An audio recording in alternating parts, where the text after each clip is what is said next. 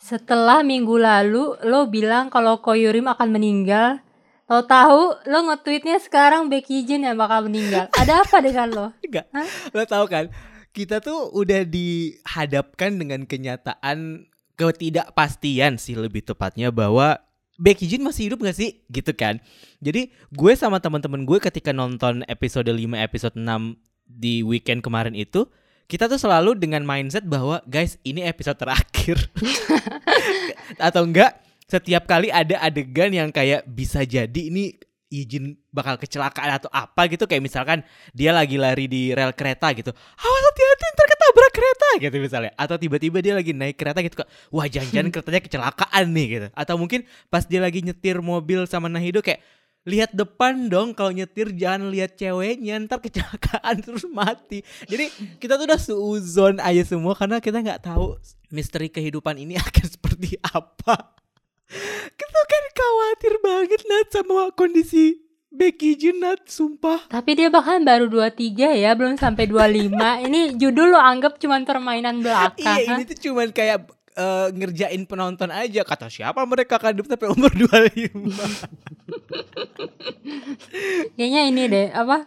Mentalnya udah nggak sehat gara-gara ketakutan Yijin bakal kenapa-napa. sumpah tapi memang kayak gitu ngefek banget dan tapi nggak tahu gue nggak tahu kenapa sih ya kayak gue merasa eh hal ini tuh jadi jadi sekarang udah jadi inside jokes antara gue sama teman-teman gue gitu loh kayak mati nih bentar lagi mati nih kayak gitu dan dan kita selalu ketawa setiap kali kita menemukan momen di mana kayak mungkinkah Becky Jin mati pas momen itu gitu. Gara-gara lu ya WhatsApp gue eh, bilang siapin tisu Becky Jin ntar episode 6 meninggal gitu kan. gue udah yakin nggak mungkin lah meninggal ya kali pemeran utama meninggal gitu kan. Mau jadi apa drama ini? Cuman gue jadi khawatir yang pas dia scene apa ngebut-ngebutan pakai sport car itu berdua. Terus yang sibuk malah ngobrol. Iya kan? gue jadi apa bakal kecelakaan gitu. Emang gak bagus podcast ini bikin orang jadi berpikiran negatif. Kita akhiri saja lu. episode ini.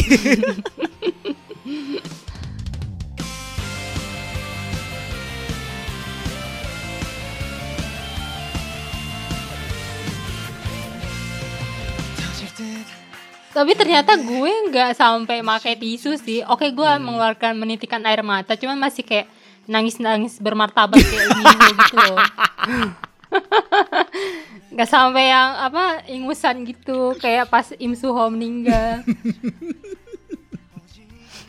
Nangis bermartabat. Oke lah. Soalnya gue yakin, maksudnya mereka juga walaupun kepisah mereka masih ini kan eh, keep kontak kan walaupun susah-susah. Mm, mm, mm. Jadi kayak gue ya udahlah ini cuma sementara gitu. Iya iya iya. Cuman gue terharu sih banyak scene mengharukan di episode 5 itu. Aduh, episode 5, episode 6 tuh menurut gue sejauh ini episode yang paling menyenangkan gitu. Karena nggak cuman mereka ngasih kita tuh episode yang uh, heartwarming, tapi juga apa semakin mempertegas sisi komedi yang ingin disampaikan oleh si drama ini gitu. Gue tuh paling suka yang waktu gue lupa tapi ini episode kemarin atau episode sebelumnya ya tapi samar-samar nih kayak tiba-tiba muncul di kepala gue yang waktu ibunya bucin itu episode episode yang lalu ya yang ibunya bucin Oh iya iya. Iya, episode- iya. Iya iya, episode episode 6 kalau ya? ah ya kan yang ibunya bucin terus eh, video call sama bapaknya tapi Iya iya iya. video callnya nggak bisa kedengeran kan karena harus diketik kan cuma video doang terus Iya iya. si izinnya harus ngetikin sementara ibunya udah kayak mendrama segala hal gitu maksud gue itu tuh gak pernah gue lihat sebelumnya adegan di dengan adegan drama mana pun kayak kocak banget adegan itu gitu dan Iya. waduh itu sih itu sih kayak wah original sekali gitu Padahal ibarat kata mereka harusnya lagi menderita Iya. kan. Cuman kayak dari dari episode 5 kayak pas pertama kali nyokapnya muncul juga kita udah diliatin kan. Dia segitu bucinnya. Bahkan si pamannya Yijin aja tuh kayak udah pengen menyerah kayak pengen gue buang aja nih anak gitu. Da- dan tentu saja adegan keran sih kayak gue nggak nyangka loh ternyata mereka akan mengembalikan adegan keran itu. Karena yang waktu episode pertama kan lo suka banget kan adegan keran kan? Mm-mm. sementara kalau di gue kayak masih kayak kering gitu buat gue gitu. Tapi ketika mereka mengulang lagi adegan yang sama di dua tempat yang berbeda dan editingnya itu kan lucu banget ya waktu adegan itu kan yang kayak Hmm, bagus nggak nggak tahu mereka tuh sebenarnya visinya apa. Maksud gue kayak gue nggak tahu maksud dari shot itu apa gitu. Apakah itu hanya imajinasi atau eh, bayangan mereka atau keinginan terpendam mereka atau apa. Tapi gue suka banget adegan itu dan gue nggak gue nggak lagi menganggap adegan keran itu jadi kering gitu setelah adegan yang di episode 5 sih Oh, gue dari awal emang suka banget sih karena kan terlebih yang gue bilang kan eh, apa soundtrack yang dipakai pas adegan itu tuh menurut gue pas banget gitu Mm-mm. loh jadi kayak menimbulkan perasaan nostalgic yang gimana Mm-mm. gitu terlebih kan pada dasarnya si lagu yang 2521 itu itu katanya terinspirasi dari kisah nyata si penyanyi gitu Mm-mm. Jadi cinta pertamanya meninggal di usia 27 kalau nggak salah tuh kan dan nama depan anaknya Kim juga gitu. Jadi orang sempat gue baca ya di internet ya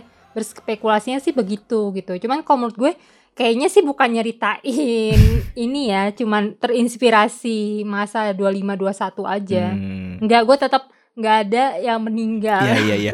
Gue juga sekarang Pergi kau teori. gue juga sekarang di titik ini juga udah kayak gue tidak lagi ingin Becky Jin yang meninggal gitu. Gue cuman ingin Goyure mendapatkan ganjarannya di neraka, ngerti gak? Gue sebel banget sama lo. sumpah.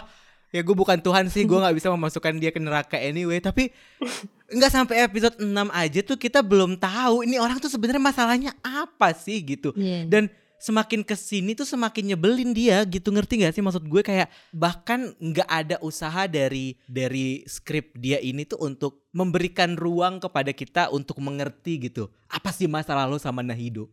Itu sih menurut gue. Mhm, sampai mhm. salah satu pendengar ngedrakor nge-DM kan panjang lebar soal Nahido. Eh tentang Yurim. Jadi nge- nge-DM panjang lebar tentang Yurim. Ini gue bacain aja ya sebelum gue lupa. Dia bilang karena gue nggak yakin akan ada alasan kebencian Yurim dan itu akan dijelaskan dengan memuaskan di episode-episode mendatang gue mau berbagi pikiran gue soal itu setelah nonton episode 1 sampai episode 6 yang pertama, kenapa nggak akan dijelaskan lagi? Karena memang nggak jelas itu alasannya bagi Yurim sendiri. Sebagaimana Love at the First Sight yang nggak jelas alasannya di drama-drama yang dijembatani dengan kisah masa kecil yang belum tentu mereka ingat gitu. Tapi jadi bayang-bayang di bawah sadar mereka aja. Begitu juga dengan Hate at the First Sight ini. Yang kedua, Yurim itu masih muda tapi udah menanggung beban sebagai juara yang harus mempertahan dan dia harus mempertahankan itu. Pas dia di rumahnya juga dia bilang kalau dia takut meda- itu jadi medali terakhirnya. Bisa jadi ketakutan ini yang membayang-bayangi eh, ketakutan ini ya bayang-bayang dari Hido kecil gitu. Yang ketiga, di mata Yurim, Hido itu datang sebagai rival eh, baca ancaman bukan teman. Walaupun saat itu belum punya nama di dunia fencing dan baru pertama datang tapi Hido udah dikasih sparring sama Yurim yang number number one gitu. Hido juga kelihatan kenal dengan coach, artinya si Hido ini tuh lebih spesial. Dia juga diakui potensinya sama si coachnya dan akhirnya Hido memang dipakai coach untuk dijadikan bahan pelajaran ke Yurim kalau dia harus hati-hati sama pemain yang nggak yang nggak dikenal dan yang potensial. Firasat buruk Yurim ini makin lama makin nyata karena dia bisa ngerasain segala keunggulan Hido yang nggak dia miliki. Contohnya misalnya harta, yang kedua pantang menyerah, terus yang ketiga Yijin lebih terbuka sama Hido. Yang keempat di fencing dia juga kalah terus. Dan sinisnya Yurim ini ngejatuhin mimpi orang ya karena mimpi orang lain bakal ngejatuhin dirinya juga. Gini sebagai defense mekanismenya dia. Buat gue segala kalimat sinisnya Yurim itu tuh adalah refleksi dari ketakutan dia. Jadi Yurim masih melihat Hido dari kulit luarnya aja. Makanya yang gue nantikan adalah gimana Yurim ini pada akhirnya mau mengenal Hido lebih dalam sampai berteman sama dia. Karena itu artinya Yurim juga belajar menjadi melawan ketakutannya dan jadi lebih dewasa. Kayaknya host ke Drakor harus digantikan oleh eh, Haris Pinastika saja ya. Kita mundur diri guys.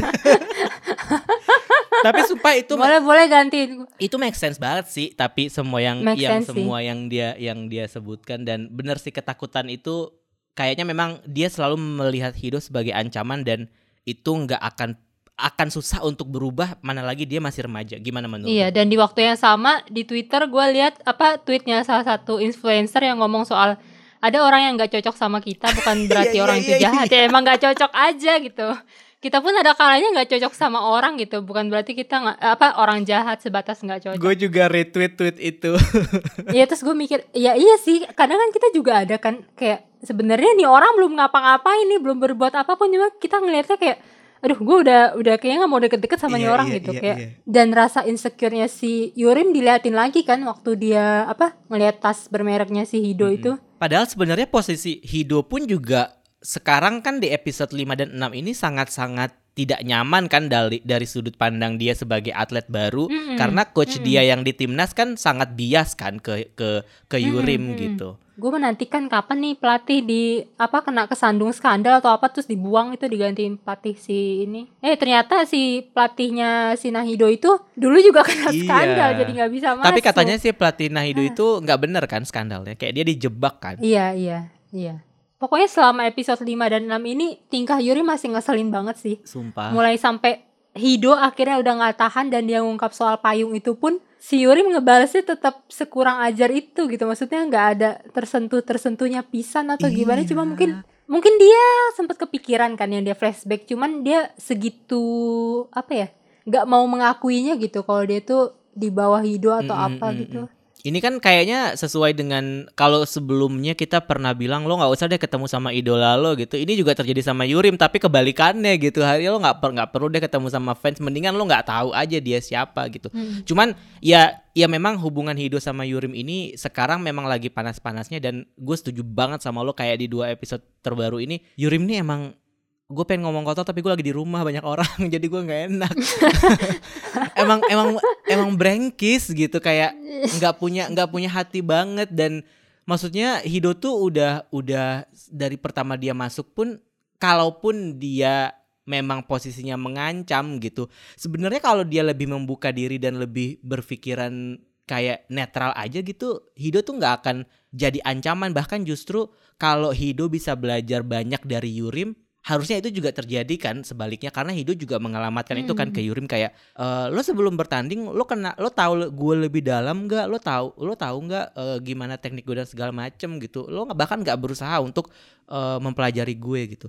Tapi mungkin itu juga poin di mana bahwa Yurim merasa oh dia kan gold medalist gitu ngapain juga gue harus repot-repot mempelajari si anak-anak baru ini? Dan di situ sih gue merasa beda sikap antara eh, humble-nya Nahido sama Iya. eh, keangkuhannya Yurim sebagai eh, gold medalist itu gitu. Jadi kayak gue kalau misalkan tahu idola gue ternyata aslinya kayak gini kayak wah gue akan menantikan kapan dia jatuh sih beneran kayak buat apa lagi gue akan mengidolakan lo kalau ternyata lo aja tuh kayak nggak respect gitu sama sama kolek lo gitu. Iya, tapi untungnya Hido masih sebaik itu ya waktu si Yurim mau apa? Ketabrak orang itu di ini kan Mm-mm, ditolong sama iya, Hido. iya, iya. Dan kayaknya emang si Yurim ini tipe anak yang ucapan sama perbuatannya tuh emang nggak pernah sinkron deh. Gue nggak suka tuh orang yang kayak gitu asli sumpah. Iya yang waktu dia sosok ngomong e, lo nggak mendengkur kan ntar gue eh, ini sensitif sama suara taunya dia yang mendengkur sumpah ya Ah, itu itu juga kocak sih. Gua gua kecewa kenapa mereka cuman jambak-jambakan doang dan cuman sebentar lagi jambak-jambakannya. Kayak harusnya senior itu nggak usah datang secepat itu gitu. Kayak ada apa botak dulu kayak pitak rambutnya copot atau apa sampai yang berdarah kayak gitu biar agak lebih dramatis gitu. Jadi pas ketemu sama eh, Becky Jin kan kayak loh kok muka lo bopeng iya digigit digigit sama Yurim sama zombie. Tapi justru di situ kita ngelihat betapa perhatiannya si Yijin ini kayak itu padahal Hansa Plusnya itu kayak ketutupan sama Mm-mm, Hido kan. Cuma dia langsung kamu luka ya Oh, gitu. emang sengaja dibikin kita tuh bucin asli kayak ini.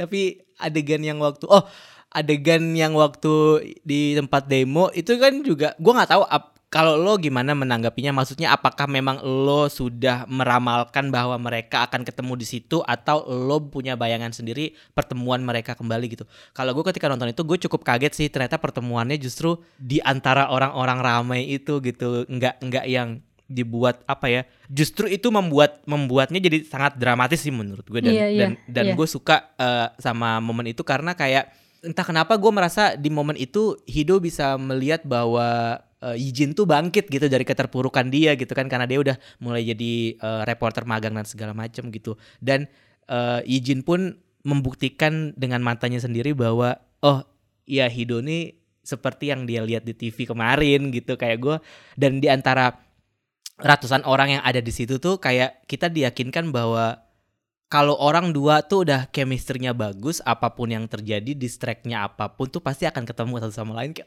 "Ah, I love this concept so much. Iya, dan dan pas di mobil pun si siapa namanya Yijin sempat ngomong kan kayak Ji- apa pun yang terjadi kita pasti akan ditakdirkan ketemu pada suatu Iya, waktu iya, gitu iya. dalam hidup kita. Dan itu yang bi- yang bikin gue mikir kayak ya nanti di tahun 2021 eh 21 apa 22 sih? Dua-dua sih kayaknya. Di tahun 2022 itu mereka pasti akan ketemu lagi apa pun yang terjadi Iya menurut ya, gue. nggak apa-apa apa asal ada shot eh, Nam sama Kim Tae-ri aja. iya, jadi kayak yang pas shot ini ya, pas main air ya, jadi kayak diimajinasiin gitu kan, Iya, kayak iya, mereka iya. kembali lagi ke masa dulu Iya, gitu. iya, Ya iya. pasti menurut gue akan ada gitu sih. Kalau enggak ya anyep aja gitu, kenapa tiba-tiba pasangan tua ini? Iya, buat apa? Aku ngelihat ibu-ibu ini. Orang kalau kata temen gue kayak, lu siapa? Setiap kali dia muncul, lu siapa? Lu bukan Nahido orang gak mirip gitu. Dan yang gue suka dari scene demo itu adalah mereka tuh mengingatkan kita bahwa ya ini setting di masa itu lagi bergejolak bergejolaknya nih dikit-dikit demo Mm-mm. gitu. Pas Hido waktu pertama kali berangkat kapan gitu yang lagi pada demo penggerak film gitu kan juga kayak sesuatu aja gitu menurut gue diselipin di sini. Oh iya, oh iya ngomong-ngomong soal adegan ketemu di tengah demo, abis itu kan lanjutannya itu kocak banget ya. kayak lu kan per, eh, update di Instagram story podcast ngedrakor kan lu bilang wah ini dia nih bapaknya Minji Iya, iya. terus langsung kayak enggak ya itu marganya bukan Kim langsung wah langsung netizen langsung menyerang akun kita gara-gara eh, memantik emosi masyarakat gitu kan gue tuh maksudnya kayak kita semua tahu konteksnya ini adalah cameo yang mana mungkin ya dia nggak bakal muncul lagi di episode selanjutnya gitu. Tapi entah kenapa gue men, me- gue non- pas nonton adegan itu gue menanggapi kemunculan Choi Tae-jun tuh dengan sangat serius banget Nat. Beneran yang kayak wah gila oke lah berarti memang mereka udah nggak jodoh lah gitu dalam hati gue. Kayak Mm-mm. udahlah nggak usah nggak usah bersatu juga nggak apa-apa. Seserius itu gue menanggapi pertemuan si Nahido sama Jong Ho Jin ini gitu. Tapi setelah mereka ngobrol dan segala macam terus kayak gue kita semua yang nonton malam itu ngakak ngakak ngakaknya kayak ini kayaknya pertama kali dalam 6 episode ini kayak gue bener-bener geli banget nonton adegan di drama ini gitu maksudnya kayak itu tuh kocak banget dan di antara mereka bertiga Nam Joo Hyuk paling muda kan Mm-mm. tapi di di situ adegan itu dipaksakan si Yijin yang paling dewasa gitu terus Mm. dia menertawakan kelakuan si anak-anak bocah ini gitu kayak Mm-mm. itu uh, kalau lo tahu siapa yang lebih dewasa di antara mereka tuh membuat adegan itu jadi semakin lucu gitu loh maksudnya dengan kayak aduh itu kocak sih malah lagi kayak lu udah berapa hari pacaran? Kita baru pacaran tiga hari. Terus dia kayak Iya dan di scene itu gue ngeliat behind the scene-nya kan. Kayak di situ tuh Kim Tae-ri sama si Cho Tae-jun tuh geli banget gitu berdua. Kayaknya mereka ini deh malu sama umur Iya. mereka deh. Mereka kan seumuran si eh, Jong eh, si Cha Tae-jun kan 91 si Terry kan 90 jadi kayak ya, sementara dia harus berhadapan sama yang lebih muda gitu loh. Kayak, ini aneh banget gak sih Hmm. adegan ini? Tapi untungnya pas di adegan mobil dikonfirmasi kayak enggak kok gue udah putus. Kita pacaran dua minggu. Hmm. itu kocak banget kayak ya Allah bocah. Tapi tipikal bocah banget sih ya anak SMA gitu ya kayak eh, ya udah gitu. Dan alasan hidup pacaran tuh bodoh amat sih menurut gue kayak gue pengen tahu gimana rasanya patah hati karena lagu-lagu sedih tuh semuanya patah hati tuh kayaknya kesannya kayak sakit banget. Dalam hati gue kayak Iya, iya. wah lu belum aja merasakan nanti lu. Tapi dia pas dibilangin sama si Yijin kayak Ya lu mesti jatuh cinta dulu kalau mau tahu Iya, seberapa iya, iya, sakitnya iya. perpisahan Terus dia langsung flashback Oh iya iya Iya, gitu iya, iya, Cuma iya. gue nggak tahu deh dia sadar apa nggak sama perasaannya Dia kan ceritanya di sini bodoh ya Cuman gue nggak setuju kalau lo bilang cameo nggak bakal muncul lagi. Menurut gue dia akan muncul lagi sih di suatu saat. Sama kayak pas si Lee Jun Hyuk yang di Orbilo Summer, dia kan tahu-tahu muncul lagi kan, walaupun cuman sebagai apa sih eh, ngajakin ke Paris. Hmm, hmm. Jadi mungkin suatu saat di sini kan agak nggak meaning banget ya peran dia ya, cuma iya, jadi bener. boyfriend yang enggak yang dihempas gitu. Siapa tahu dia akan lebih banyak porsinya di episode-episode selanjutnya. Hmm, hmm, hmm, hmm. tapi gue Tuh. nggak berharap sih karena gue berharapnya Nahido sama Becky Jin aja cepetan aja Ya gue juga berharap cuman realistisnya kayaknya sih enggak. Gue masih daripada gue sakit ya berharap gue udahlah lepas aja. Yang penting ntar mereka ketemu lagi. 이쪽은 내 남자친구. 얘도 펜싱 국가대표야. 아, 그 정우진 선수군요. 반가워요. 어, 저를 아세요? 네, 저 스포츠국에서 펜싱 담당하고 있거든요. 진짜? 펜싱이랑 인연이 깊네 백이진? Dan gue juga mulai mencium bau-bau si Mince ini tuh mulai ngeruting kisah cinta emaknya sama cinta pertamanya gitu loh. Ingat ya lo yang pas dia baca yang pas adegan Hah pas ketemu enam bulan tahu-tahu malah ngenalin pacar Iya, iya, gitu iya, dia iya. kayak mewakili reaksi kita kan Mm. ini apa sih gue lupa deh nonton serial atau film apa yang ujung-ujungnya anaknya nyatuin orang tuanya sama cinta pertamanya kayaknya bakal gitu sih ke sana Iya ini kuc kucotahe kalau kata temen gue ini tuh kuc kucotahe si Mince itu Anjelinya.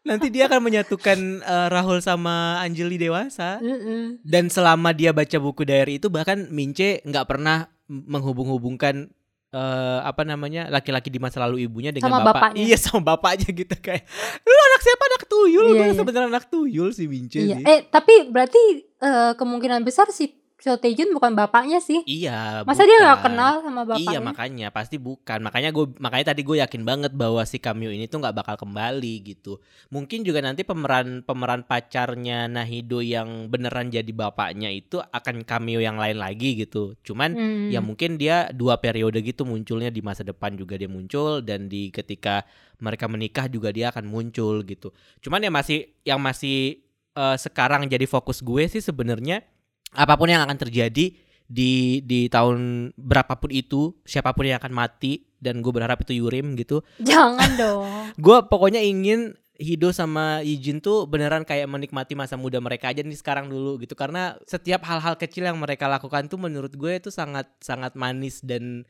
buat jadi bahan gitu loh nanti kalau lo udah ketemu lagi di masa depan gitu maksud gue kayak menikmati aja dulu waktu menyenangkan lo gitu Kayaknya lo harus siap-siap untuk patah hati dalam waktu dekat deh. Soalnya seingat gue di salah satu artikel yang gue baca itu kayak semacam ringkasannya itu umur lima, eh, 22 sama 18 mereka pertemu, bertemu pertama kali gitu. Cuman di umur 23 dan umur 19 mereka akan berakhir menyakiti satu sama lain. Terus nanti di umur 24 sama 20 mereka mulai mempercayai satu sama lain lagi baru di 25 dan 21 mereka mulai benar-benar saling jatuh cinta gitu. mereka mati umur berapa Wallahu alam. Cuman kan sekarang mereka udah masuk ke tahun di mana si siapa namanya? Yijin 23 tahun kan dan si Yurim Mm-mm. juga udah naik kelas jadi 19 tahun.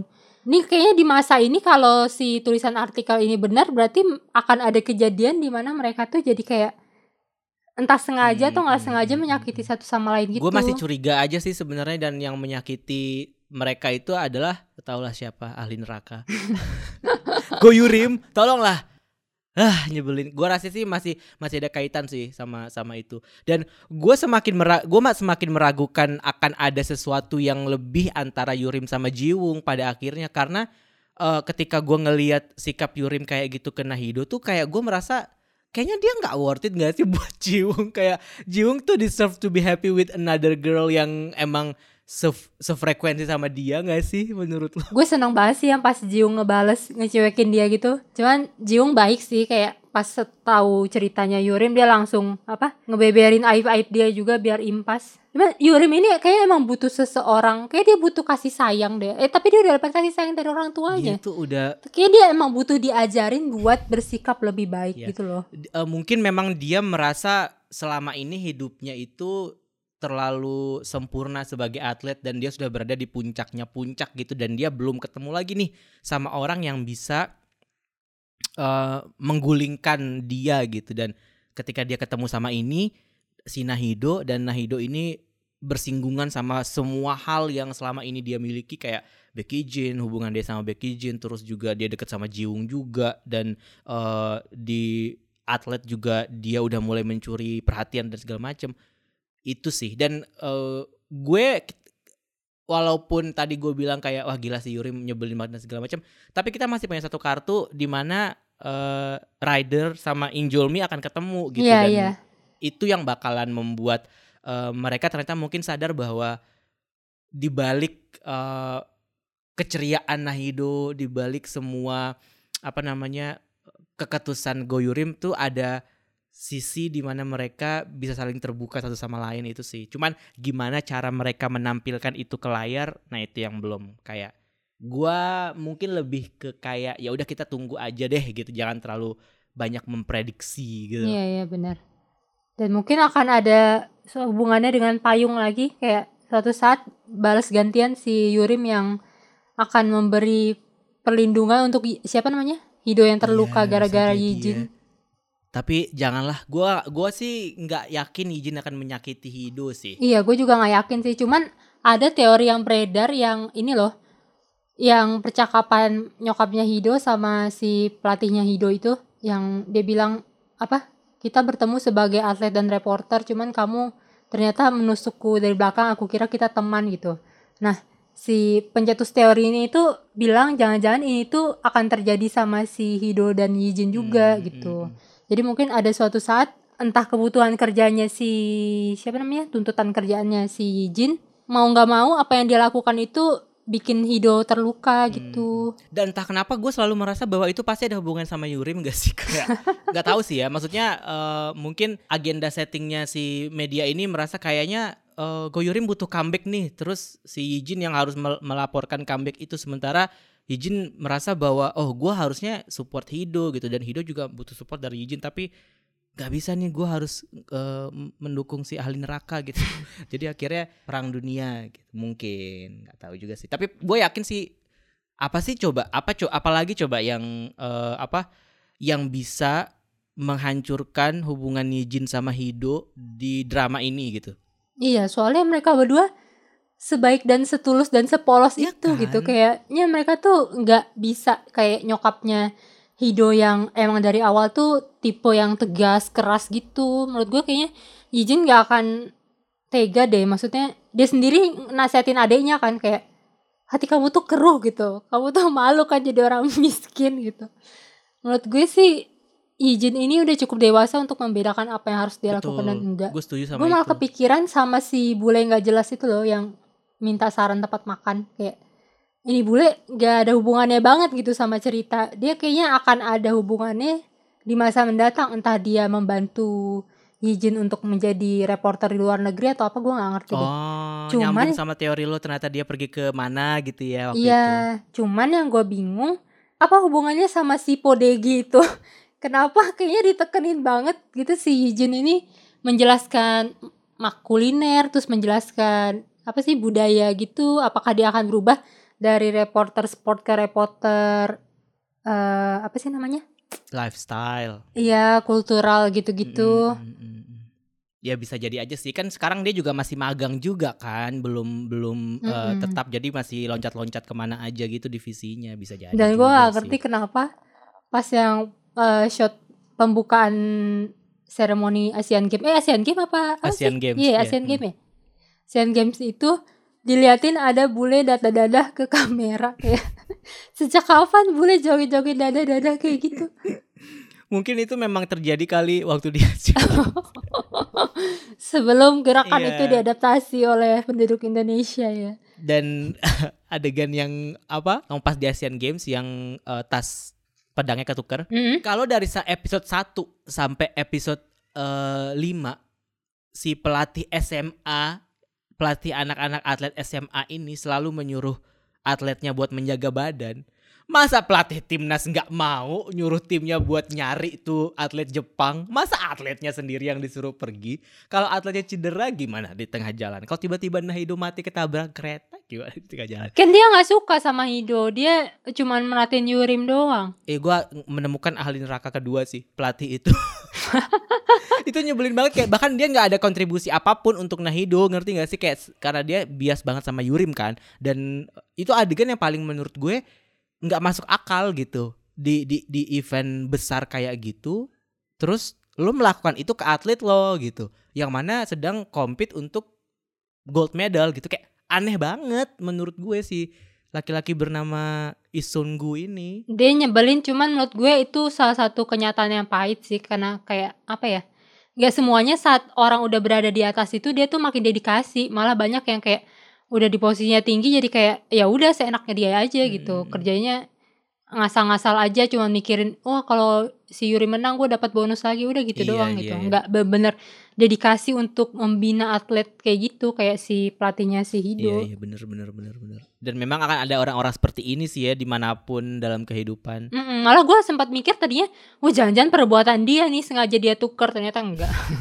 Uzon lo tuh emang sampai ke mana-mana sih ya. eh gue soalnya gue udah semales itu sama si pelatih si cowok Iya, ini iya. kayak pas Hido sakit gitu kan, terus langsung ini ya pindah kamar ya jangan sampai nularin Yurim kayak apa apa Yurim Yurim ini atlet tuh juga butuh perhatian Nyebelin lah pokoknya si Goyurim ini gue gak suka banget. Iya dan gue juga agak menyayangkan sih eh bukan menyayangkan sih cuman memang kayaknya belum masanya untuk si Jiung dan Sengwon untuk bersinar Iya, gitu iya, kayak iya, mereka iya. tuh masih amat sangat sedikit gitu kan di masa-masa sekarang mm, mm. gitu gue malah jadi khawatir gitu apakah nanti eh, ada masanya Yijin yang dikekep gitu dibuat hilang terus akhirnya si Hido nih dibuat lebih banyak interaksi dengan teman-temannya ini gitu Iya iya iya. Karena waktu izin hilang pulang kampung juga kan terbukti kan mereka tiba-tiba langsung reconnected kan. Mm-mm. Terus waktu si eh, pertama kali Hido punya banner di sekolah pun juga dia datang ke sekolah pertama kali disambut juga kan sama Jiung sama Sungwon juga gitu maksudnya. Mm-mm. Dan ya eh, udah mulai ditanamin lah bibit-bibit itu gitu. Gue sih mikirnya kayaknya mereka akan lebih dekatnya ya di fase kehidupan mereka selanjutnya ketika mereka udah nggak SMA sih kayaknya. iya iya Karena nggak tahu kenapa ini kan udah loncat waktunya itu terlalu cepat ya dari kita pertama kali mulai sampai akhirnya mereka sekarang udah kelas 3 gitu. Hmm. Dan berarti bisa jadi nih di dua episode mendatang mereka udah masuk ke fase umur 20-an nih gitu kan. Hmm. Udah udah masuk ke fase kehidupan yang berbeda lagi gitu. Mungkin di situ ketika mereka berusaha untuk uh, menyeimbangkan kehidupan mahasiswa dan segala macam itu mungkin momen di mana persahabatannya lebih lebih terasa kental dan gue kemarin sempat nyebut kayak ketika gue nonton opening uh, bumpernya kayak gue menantikan adegan mereka naik mobil berlima kayak ih gemes banget Mhm. kapan adegan itu ditayangkan masih lama banget ya melihat tingkahnya si Yurim ini iya kayak ya ampun Yurim Yurim tobat lalu dan gue sempat agak nggak nyangka ternyata eh, Sengwon dibikin beririsan sama adiknya si Yijin oh iya yang lewat Adanya Yijin ngefans radio. sama Iya, acaranya iya, iya, Sengwon. iya iya benar Iya. benar, benar, benar. lo kan sempat mempertanyakan kan kayak Sengwon bakal jadi cewek ke orang ketiga di siapa nih? Di Jiung apa di Yijin? Eh tahu-tahu dikasih ini adiknya Yijin. Dan dia yang membuat adiknya Yijin meminta maaf kan sama abangnya. Mm, Da- ya mm, tapi emang si adiknya itu Iya, tapi gue gak mau nyalahin sih dia masih bocah, jadi gak bisa disalahin. tapi dia udah 15 tahun Nggak, maksudnya bisa, iya iya juga sih, cuman kayak kesel aja gitu ya bisa bisanya dia menyalahkan Yijin atas usaha Yijin, sementara Iya, Yijin iya, pun iya. dipaksa dewasa dalam kondisi yang dia sendiri nggak tahu ini harus gimana gitu kan, kayak mana Iya. ibunya bucin banget lagi sa- Gak jelas deh Urusin tuh anak lu Jangan urusin suami lu doang Nyebelin banget Iya, gue kesel sama emaknya dan adanya Yijin di situ. Cuman menurut gue eh, itu dibutuhkan supaya Yijin si anak super baik hati ini tuh melek gitu loh. Kayak ya udahlah mereka juga kayaknya baik-baik aja kalau Hmm, tanpa gue di sini. Kenapa gue harus apa membuang semua mimpi gue maksain hidup di Iya, iya, sini? itu dia yang gitu. membuat Akhirnya- membuat izin akhirnya balik lagi ke Seoul kan. Mm-mm, mm-mm. Ini kita kasih adegan yang waktu pas pertama kali dia balik ke Seoul terus tiba-tiba ternyata dia, dia jadi anak magang dan mereka lari-larian buat menuju ke Iya, iya, iya, apa iya. namanya telepon Telepon umum. umum. Wah gila sih. Terus temen gue kayak kaget kan. Eh, emang ini dia mau ngapain sih? Terus gue bilang kayak iya tahu di tahun 98 99 itu aku pernah diceritain sama sen- wartawan senior di Detik juga kalau pas liputan itu memang nyari telepon umum buat buat nelpon dan report ke kantor gitu kayak oh gitu. Oh, di Indonesia juga gitu. Iya iya di di di Indonesia juga Oh. gitu kan waktu zaman online kan kalau sekarang kan kita tinggal ngirim email. Kalau Mm-mm. dulu tuh eh, wartawan yang di lapangan nyari berita, abis itu nyari telepon umum, nelpon ke kantor, nanti di kantor yang ngetik baru ditayangin di internet gitu. Jadi emang prosesnya sama. Kalau yang izin kan emang laporannya eh, live TV kan lewat via Mm-mm. telepon gitu. Dan itu Mm. terjadi juga ternyata di sini gitu. Terus gue bilang, "Oh iya." Hmm, ternyata bener yang Seru Iya, ya. iya iya makanya kayak eh, seru banget berarti maksudnya kayak gue nggak pengen mengalami itu sih nggak mau gitu kayak Iya, eh, iya, iya. ya tapi di situ gue merasa kayak wah gila tapi wartawan zaman dulu tuh emang layak mendapatkan penghargaan sih maksud gue kayak dedikasinya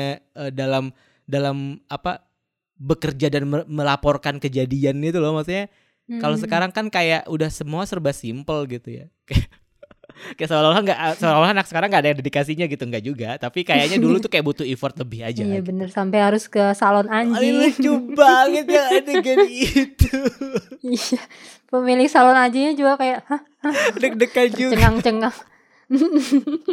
aduh gila Eh tapi menurut lo eh, gue nggak gitu nggak sih gue nggak gitu merhatiin yang pas Yijin Sweet itu dia itu sengaja kalah supaya dapat eh, liputan anggar atau nggak sengaja sih Hmm, kalau dari adegannya sih nggak mengisyaratkan kalau itu dia sengaja ya, seolah-olah memang dia kalah Oh. aja gitu. Tapi mungkin Emang ditakdirkan Emang ya. ditakdirkan. Tapi mungkin ada plot twistnya nggak tahu sih kalau nanti ada plot twistnya. Cuman ketika adegan itu pun kayak gue udah oh ya udah ini pasti dia akan kalah gitu kan udah, Iya. udah, udah pasti tahu gitu. Tapi mungkin dia juga dengan Mm. senang hati gak sih orang akhirnya dia ketemu sama Hidu anyway gitu Iya. kan. Nggak, pas Sweet kan dia sempat ada strategi gitu kan kayak dia ngomong ini pasti dia akan mengeluarkan ini aku harus mengeluarkan Iya, ini. iya, Terus gue kayak otak gue nggak nyampe gitu Hah, Jadi dia maksudnya mau menang apa mau kalah iya iya iya. iya. Karena udah ngantuk Nggak, dia gitu. mau menang karena dia mau ini kan eh, mau mau membahagiakan senior Menjilat mau bosnya. menjilat Iya. bosnya gitu. Cuman di sini jadi jadi semakin di apa ya eh, semakin ditekankan bahwa fungsi eh, telepon umum ini tuh sangat penting buat hubungan mereka ya. Kayak Iya. kalau nggak ada kalau nggak ada Iya. adegan Dilan di telepon umum itu tuh kayaknya mungkin episode 4 menuju ke episode 5 itu jadi kayak eh, anyep dan nggak ada motivasi buat mereka untuk saling apa namanya? untuk saling eh, excited ke pertemuan mereka selanjutnya gitu. loh. Hmm. Terima kasih telepon umum. Itulah menariknya drama-drama jadul yang di mana komunikasi masih sulit ini ya kayak apa ya telepon umum, surat itu tuh semua jadi kayak jauh lebih sentimental gitu Iya, rasanya iya, iya. dibandingkan kayak kita tinggal kita malah sekarang karena suka males kan lihat chat kayak aduh apaan sih? Berisik banget nih gitu. Iya, iya. jadi males lihat HP Terus ingat gak sih lo adegan yang waktu pas si Jin hilang terus eh, Hido nanya sama Yurim ini kan di episode yang se- sebelumnya lagi yang kayak lo lo hafal nggak nomor pagernya Jin? gitu. Terus eh, Iya, iya. Yurim langsung ambil pulpen dan nulis di tangannya kan kayak oh gila zaman-zaman itu iya gue inget banget. Gue tuh sering banget nulis nomor telepon di di di lengan biar nggak hilang. Kalau di tangan kan suka hilang soalnya kayak wah zaman-zaman Hmm. susah itu ya kita sudah tidak bisa merasakan itu lagi kayak sekarang apa apa kayak tinggal langsung handphone gitu kan kayak "Ih, seru aja gitu ngelihatnya Iya benar. Dan karena kita udah usia segini kita masih ngerasain kan waktu kayak eh gue nggak tahu deh kalau lo tapi kalau gue gue benar-benar lost kontak dengan semua teman-teman SD gue sih Hmm. kayak dulu nyatetnya tuh kayak di phone book kecil gitu kan dan pas gue pindahan kayak hilang dan gue nggak tahu lagi harus mencari di mana gitu. Kayak sedih banget sih gue nggak bisa reuni tenang gitu. aja kalau sekarang mah semua pasti punya Facebook. Nggak bisa soalnya namanya satu suku kata doang. Oh gitu. Iya. Kalau kalau gue beruntungnya adalah eh gue hidup di kota kecil. SD gue di belakang rumah. SMP gue nggak jauh dari rumah gue. Jadi kayak tempat tinggal gue ini tuh ya anak-anaknya itu lagi itu lagi gitu. Jadi ketika gue dari dari TK pindah ke SD ketemunya sama anak itu lagi itu lagi. Dari SD pindah ke SMP ya lu lagi ya lu lagi gitu. SMP ke SMA ya ketemu lagi kayak gitu. Jadi nggak nggak Hmm. nggak apa nggak asing-asing banget gitu. Jadi ketika udah umur umur sekarang pun kayak nge-trackingnya pun jadi gampang gitu sebenarnya mungkin itu. Jadi ya mungkin gak relate di bagian itu tapi gue relate di bagian yang ketika nulis eh, kontak itu sih iya iya. Tapi since gue jago eh, kepo orang di sosmed dan di Facebook jadi gue gampang menemukan siapa pun. Ntar ya gue kasih nama temen gue yang ingin gue cari. Kalau ketemu ntar gue ini. Tali kasih Gua ya bangun. gue ya sekarang. Jadi jasa tali kasih ya terima kasih. Banyak makin banyak aja kerjaan gue. Ada lagi nggak yang bikin lo overthinking? Menurut lo si penagih utang utang ini tuh akan muncul lagi gak sih? Kayak mereka tuh masih terus membayang-bayangi gitu ke mana pun mereka pergi. Apalagi kan Yijin sekarang jadi reporter kan yang mukanya tuh nongol di TV Hmm. bakal ini nggak? Bakal ada suatu masalah besar lagi dengan mereka nggak? Em, karena sejauh ini masalah izin tuh nggak ada yang serius-serius amat dan yang paling serius cuman itu dan itu juga belum selesai iya sih gue rasa itu akan ada lagi sih balik lagi sih. Menghancurkan karirnya gitu ya? Iya mungkin juga itu berkaitan sama yang tadi tuh yang kayak eh, pilihan sulit antara Yijin untuk bisa eh, apa namanya menjaga perasaan hidup dan segala macam mungkin itu salah satu alasannya nggak tahu. Kalau menurut lo gimana? Nggak tahu sih cuma menurut gue mereka akan muncul lagi sih entah di titik hidup yang mana. Orang tuh kalau udah soal uang tuh kayaknya nggak ada nggak ada menyerah menyerah kasian banget Yijin astagfirullah. Tolonglah selamatkan Yijin ya Allah. Amin. Terus menurut lo nanti di pertandingan ini siapa yang menang? Yurim apa eh, Hijin? Hijin. Yurim apa Hido? Hijin siapa Itu adalah Hido dan Hijin sudah menyatu Oh, menjadi Hijin. Lo prediksi lo ya kalau mereka akan menyatu di masa depan ya. Mm-mm. Gue sih merasa yang menang pasti Hido sih. Hido, Hido menurut lo langsung Ini menang Hido langsung di menang. pertandingan iya, pertama di ini. pertandingan ini. Karena ya ya Hmm. ini memang sudah saatnya untuk Goyurim jatuh gitu. Rasakan kau anak setan. Hati lo busuk banget malam ini. gue benci banget sama Yurim ngerti gak sih kayak lu udah dibaikin udah Hah, ini tuh ibarat cinta bertepuk sebelah tangan tuh kayak gitu sakit. Jadi ya ya ya wajar kalau orang benci sama lo ngerti gak sih kayak ya udah mau gimana lagi. Iya, iya, Jangan iya. marahin gue dong kalau gue benci sama Yurim. Kenapa sih lo kok ngatur-ngatur gue? Nah, Enggak kok jadi gue jadi marah-marah. Tahu lu kayak si Yurim pas pertama kali lihat Yijin langsung marah-marah. jadi gitu. Jadi aku gak dikasih tahu kamu balik ke dunia ini. Sumpah kayak dalam hati Yujin, lu penting banget ya dalam hidup gue. lu siapa? Lu siapa? Lu cuma anak miskin yang butuh sponsor. Wah, Yujin langsung jahat. langsung jadi Miska. eh generasi muda nggak akan tahu sih siapa itu Miska. Hanya orang-orang yang sudah mulai tumbuh uban seperti kita yang tahu siapa itu Miska. Aduh, udah random banget. Udah, kita lanjut lagi minggu depan aja.